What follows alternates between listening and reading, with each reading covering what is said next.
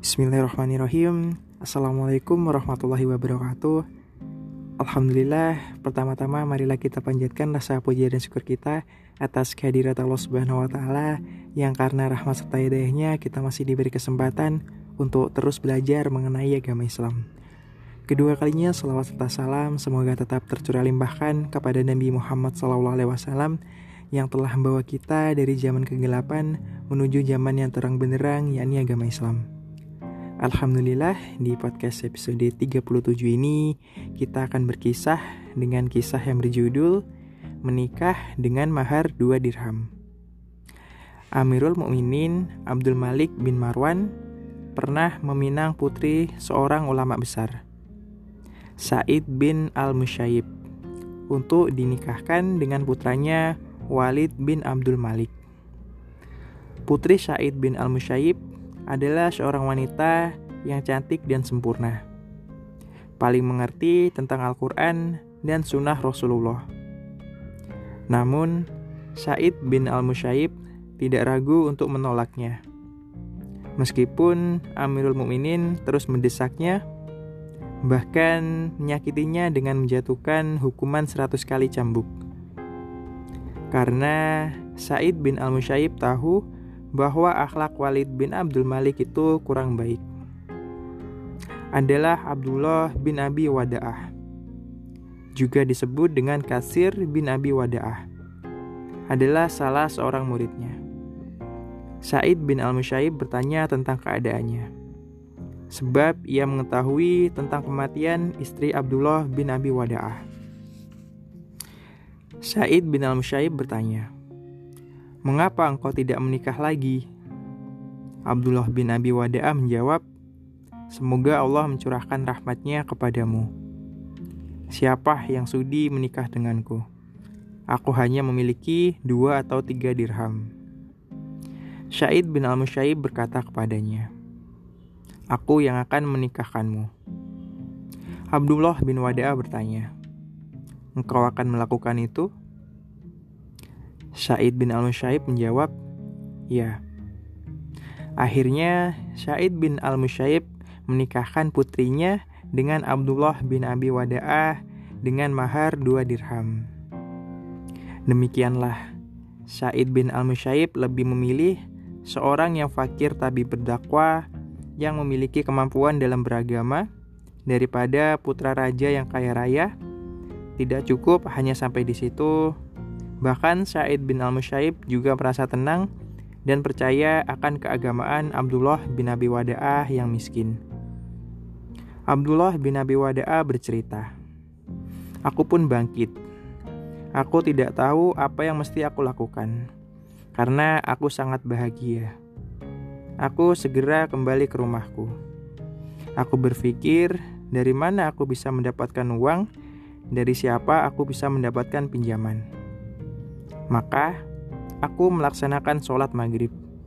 Kemudian aku kembali ke rumahku. Aku menyalakan lampu.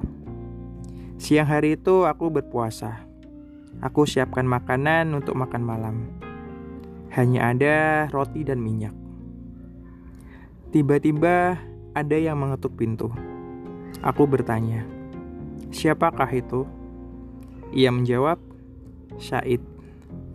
Aku berpikir tentang semua orang yang bernama Said, kecuali Said bin Al-Musyayib. Karena selama 40 tahun, yang dilihat dari dirinya hanyalah berjalan dari rumahnya ke masjid. Maka, aku keluar menemuinya. Ternyata ia adalah Said bin Al-Musyayib. Aku menyangka ia telah berubah pikiran. Aku berkata kepadanya, Wahai Abu Muhammad, Anda yang kau mengirimkan pesan kepadaku, tentulah aku yang datang kepadamu. Said bin Al-Musyayib menjawab, Tidak, engkaulah yang lebih layak untuk didatangi. Aku katakan, apa yang ingin kau perintahkan? Said bin Al-Musyayib berkata, Dulu engkau seorang pemuda, kemudian engkau menikah, Aku tidak ingin engkau tidur sendirian malam ini. Ini adalah istrimu. Putri Said bin Al-Musyayib berdiri di belakangnya. Kemudian Syahid bin Al-Musyayib menarik tangan putrinya ke pintu.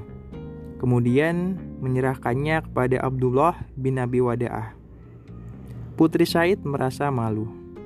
Abdullah bin Abi Wada'ah melanjutkan kisahnya.